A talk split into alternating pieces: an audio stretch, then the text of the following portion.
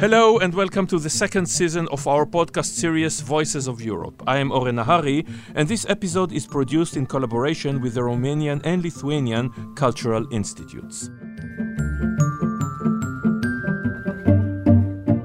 In October 2020, Pablo Rodriguez Fraile, an art collector from Miami, USA, paid nearly $67,000 for a 10 seconds video. A video that you can watch freely and publicly free online. Lately, the same video was sold for $6.6 million. How did it happen? It is actually a new type of digital asset, a non fungible asset and abbreviated as NFT, non fungible token, which is based on blockchain technology that allows items to be publicly authenticated as one of a kind, as opposed to traditional online objects that can be restored indefinitely. Rodriguez Fraile purchased a video from popular digital artist Beeple, real name Mike Winkelmann. The video features a giant Donald Trump, a statue, collapsing to the ground and his body filled with slogans in relaxed and idyllic settings. The video was verified by blockchain as the original work. That is, behind the piece, there is a blockchain infrastructure that proves the ownership transfers the product made until it came into the hands of Rodriguez Fraile, as a sort of a digital signature to confirm the originality of the item. If we were to make a comparison to the old world, it's actually the difference between the Mona Lisa, let's say, or Starry Night, or any other work of the old masters that come to mind that hangs on the museum wall, and the replica, which can be excellent, which can be almost identical to the original that you bought and put in your home. So today, we want to talk about art in the digital age. I am Oren Nahari, and my guests today are Dr. Sabolius Kristupas from Lithuania, currently leading the research grant The Future of Humanity, New Scenarios of Imagination, funded by European Social Fund, dedicated to revising and creating a new philosophical theory of imagination in the light of environmental challenges, AI, and indigenous thought. More specifically, more new environmentalism, polemics of Anthropocene, theories of milieu, creativity, and education. And my other guest is Dan Schlanger, president of the Jewish Film Festival in Bucharest. Hello, both of you. It's a pleasure and honor to have you with us today. Hello, I'm Dan Schlanger from Bucharest. Thank you for much for having me here in this program. It's an honor. Hello, I'm Kristupas Sabolius from Vilnius, and it's very nice to meet you at least virtually. Yes, virtually is the word that we'll talk about a lot in this conversation that we'll have today. So, I want to start with you, Dr. Kristupas. Is art in the digital arena fundamentally different from art in any other arena? I mean, does the tool, computer, internet, whatever, change the essence of the culture, the essence of the art? I think it's a very important question, and uh, we cannot start answering this question without referring to uh, Mhm. Walter Benjamin, who wrote an important essay in the beginning of the 20th century, the work of art in the age of mechanical reproduction. And he was analyzing the situation in the light of new media formats, technologically reproducible formats like cinema and photography. hmm And uh, at that time, Benjamin realized that the art changed dramatically because of uh, these new formats. He said mechanical reproduction emancipates the work of art from dependence on the ritual. So basically, we don't take art as something we need to experience through our ritual gestures, ritual approaches. We, we can reproduce art and have it at hand every time we want. So basically, I think this technological re- revolution is still going on here. So we have new genre, new formats, new ways of uh, expressing uh, human creativity. But at the same time, I think digital arena does change the way we imagine. For instance, Bernard Stiegler, another philosopher, noted that there is a fundamental link between technology and imagination. Technology is born when matter meets consciousness, basically. And the im- imagination is exactly, let's say, this meeting point, the moment of this interaction. And uh, every technological innovation is a methodical impact on our imagination. I think when we speak about Earth in the age of uh, digital expansion, we need to think about our dialectical relation with technology. Mm-hmm. Technology is constantly producing new formats which require our critical gaze. Why does the criticism is so important here? Because technology tends to overtake our imagination, uh, tends to set the limits of imagination. And uh, our imagination needs a constant emancipation. It's not only the audience, it's also, let's say, the start, uh, the, the artist. I mean, I've written several non-fiction books. And I know that there is a difference, a difference in my process, a difference in my thoughts, whether I started writing in pen on paper and then a typewriter and today a computer. The writing is different. The process is different. The thinking is totally different. Whatever change is only, you know, could argue it's only mechanical. What does it matter whether it's a pen or a computer? But it changes everything. Yes, it does. Because every technology has its own program. It proposes the set of actions we need to either to obey or to question. Let's call it technological awareness or technocriticism or technological consciousness mm-hmm. is very much at the core of this discussion. When Vilém Flusser wrote his famous work on the philosophy of photography, he noticed that the photographer is in constant dialogue with an apparatus. Mm-hmm. Uh, because if you want to create art, but not only to transmit information, you need to question the technology. Technology proposes a program that is a limit, proposes the sets of action with, that we need to uh, kind of confront and question. And this is where the moment when the art happens, because you can be the user of technology which who just photographs, images as a, a variety of uh, Instagram uh, users, or you can be a photo artist who constantly checks the limits of technology. Of so course. checking the limit of technology is at the core of artistic procedure in a way. This moment also brought a discussion mm-hmm. how can we conceive art in general? What is the function of art in society nowadays? And I think the function of art is still pretty much critical Eisner, the CEO of Disney, was once asked which of his competitors scared him the most, and he answered, Nobody scares me. Sometimes I produce the blockbuster, sometimes they do. The only ones who really scare me are three young men or people who are currently working on a technological development somewhere, you know, Tallinn, Tel Aviv, or Palo Alto, that will make us all redundant, me and my competitors. So, are we there?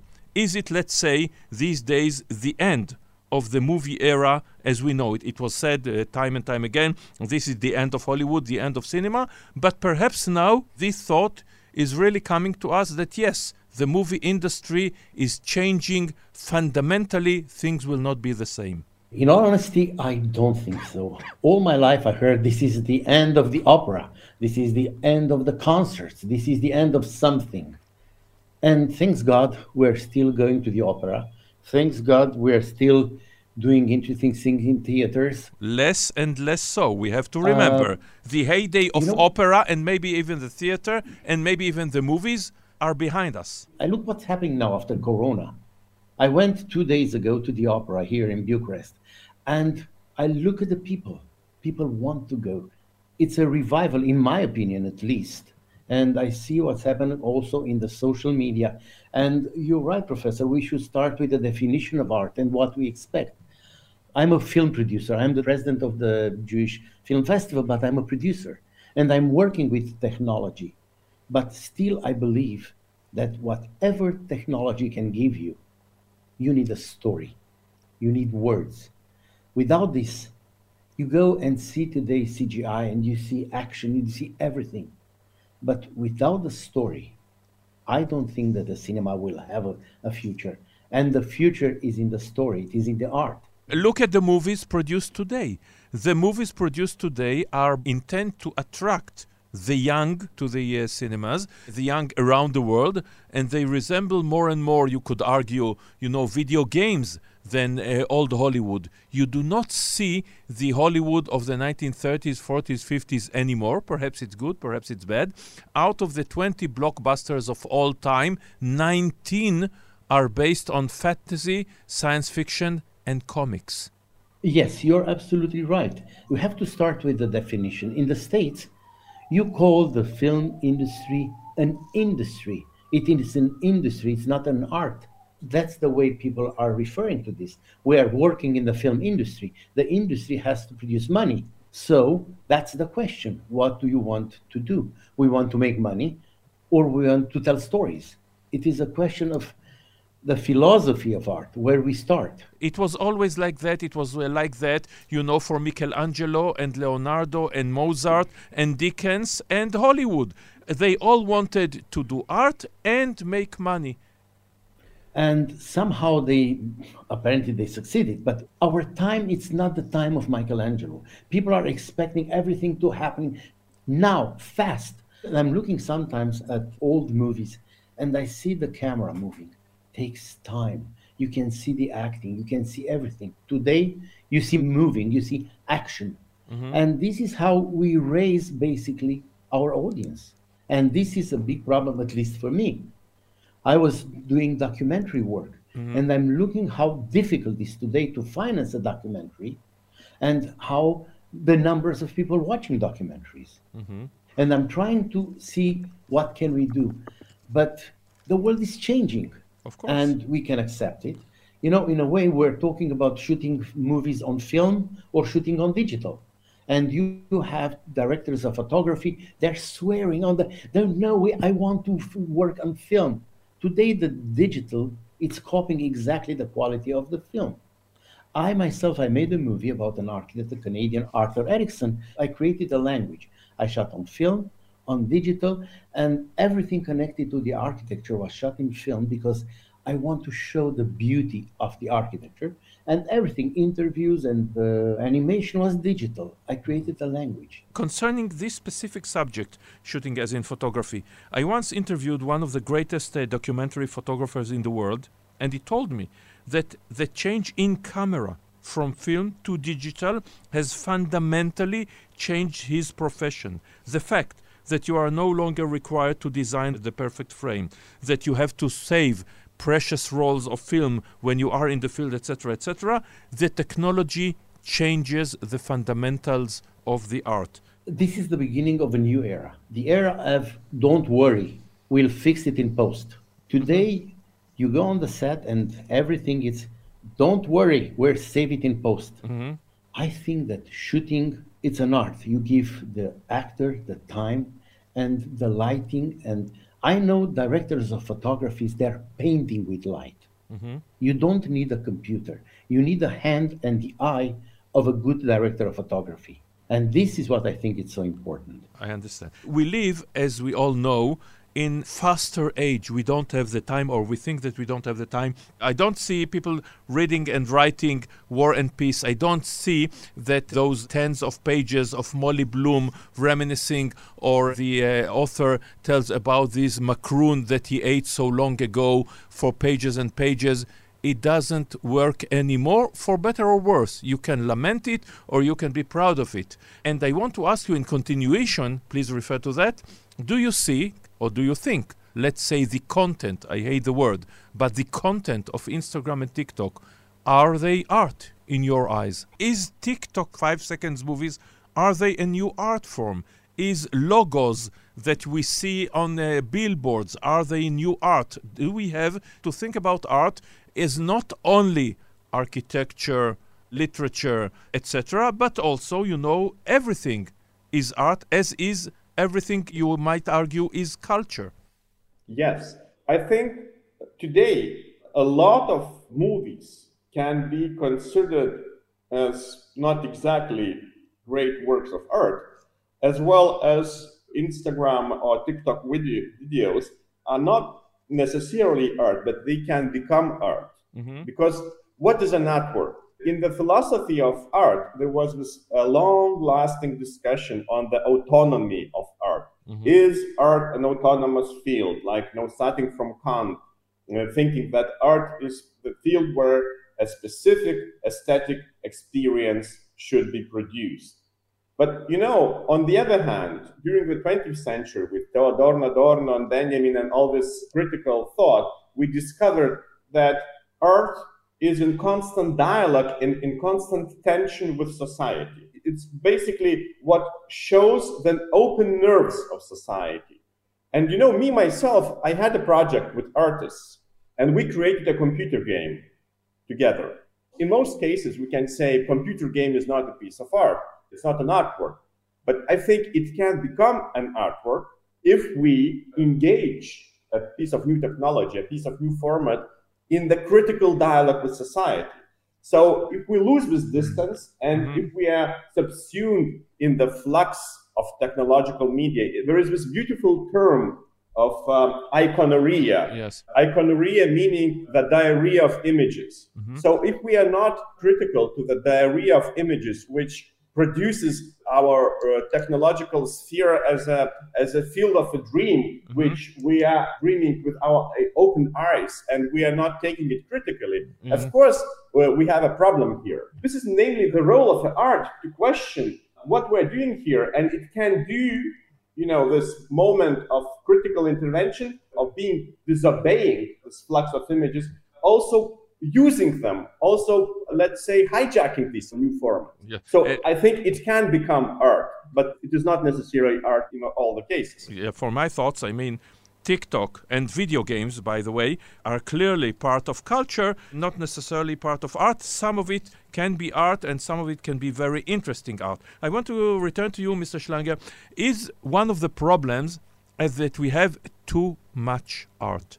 Too much culture, too much supply. You know, everything that was uh, created by men and women from the beginning of humanity until, let's say, uh, 10 years ago, we now created every couple of days, you know, in terabytes, in digital, in conversation, all the content Homer, the Bible, Shakespeare, Cervantes, what have you. And today we churn it day in, day out in all our conversations, etc. Perhaps we are flooded and when we are flooded, there's no much room for deep art. I think we're swamped with so called art. And I want to go back for a second to Picasso. Somebody looked at one of his cubic painters and said, What is this? You cannot paint anything else? And his answer was, No, I can.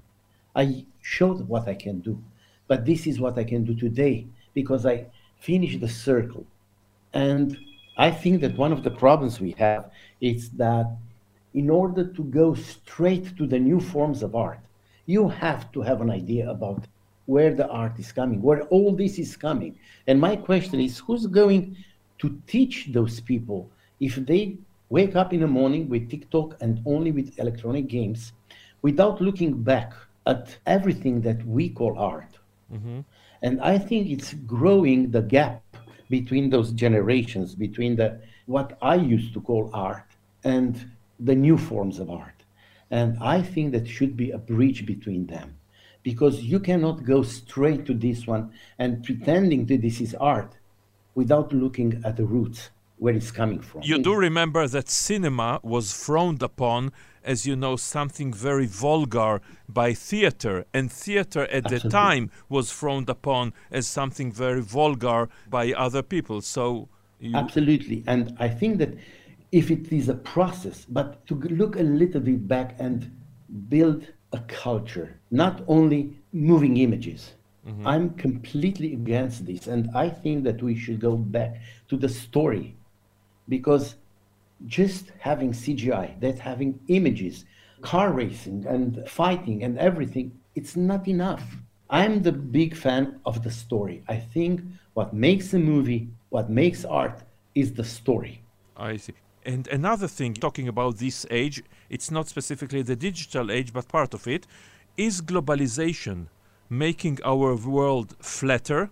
I mean, on the one hand, we are all flooded mm-hmm. by American culture, American uh, TV, American cinema, maybe even American writing, and uh, not to mention that the internet is basically American. Or perhaps it is more complex than that because we see different cultures brought to us from anywhere to anywhere, you know, in the same Americanism of Netflix, we see a very successful TV series from France, from Poland, from Spain, etc., etc. Who will win in this culture war then?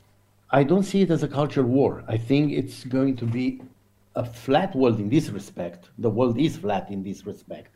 And I'll give you a personal uh, example. I used to do this festival in uh, Romania, and I had halls full of people. The venue were full of people coming to watch movies. We talked.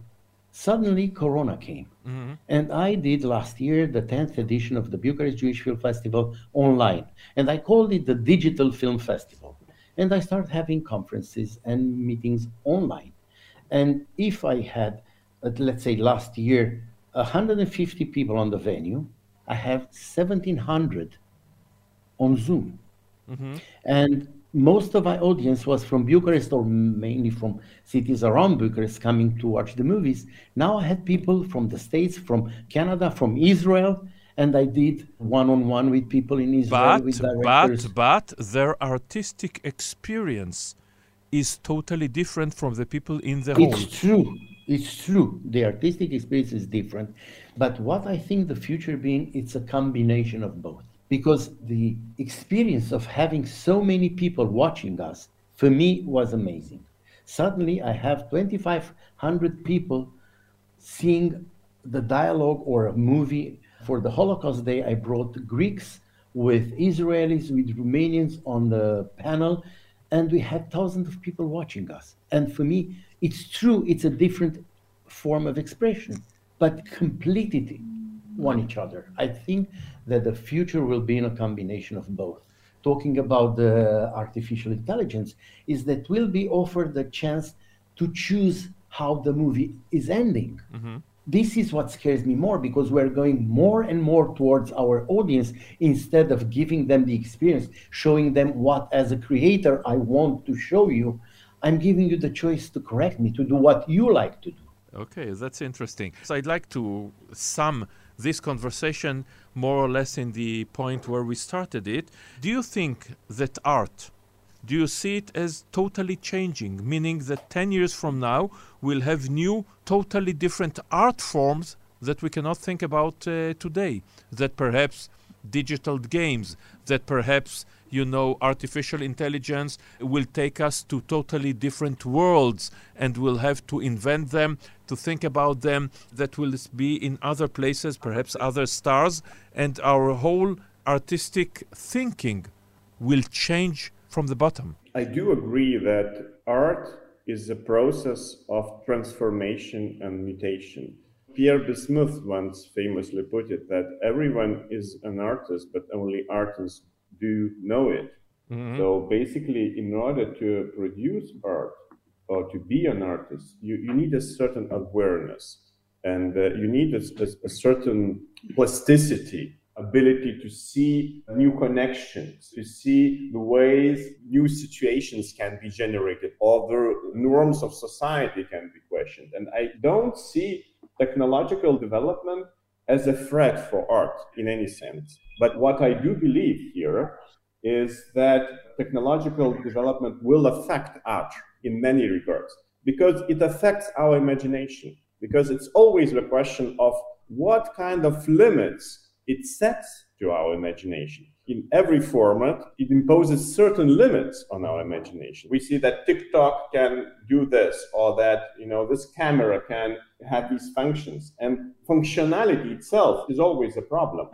So, in my opinion, art is fundamental expression of human capacity to create links, to create networks, to create interactions. You know, it's about relations, and we will never give up in creating these relations. You know, we will need new social structures. We will need new ways to criticize these structures. It's a never-ending story. In this sense, I do believe that our art and technology will at hand. Can you imagine yourself 25 years ago keeping a Kindle, an electronic book in your hands instead of a printed book?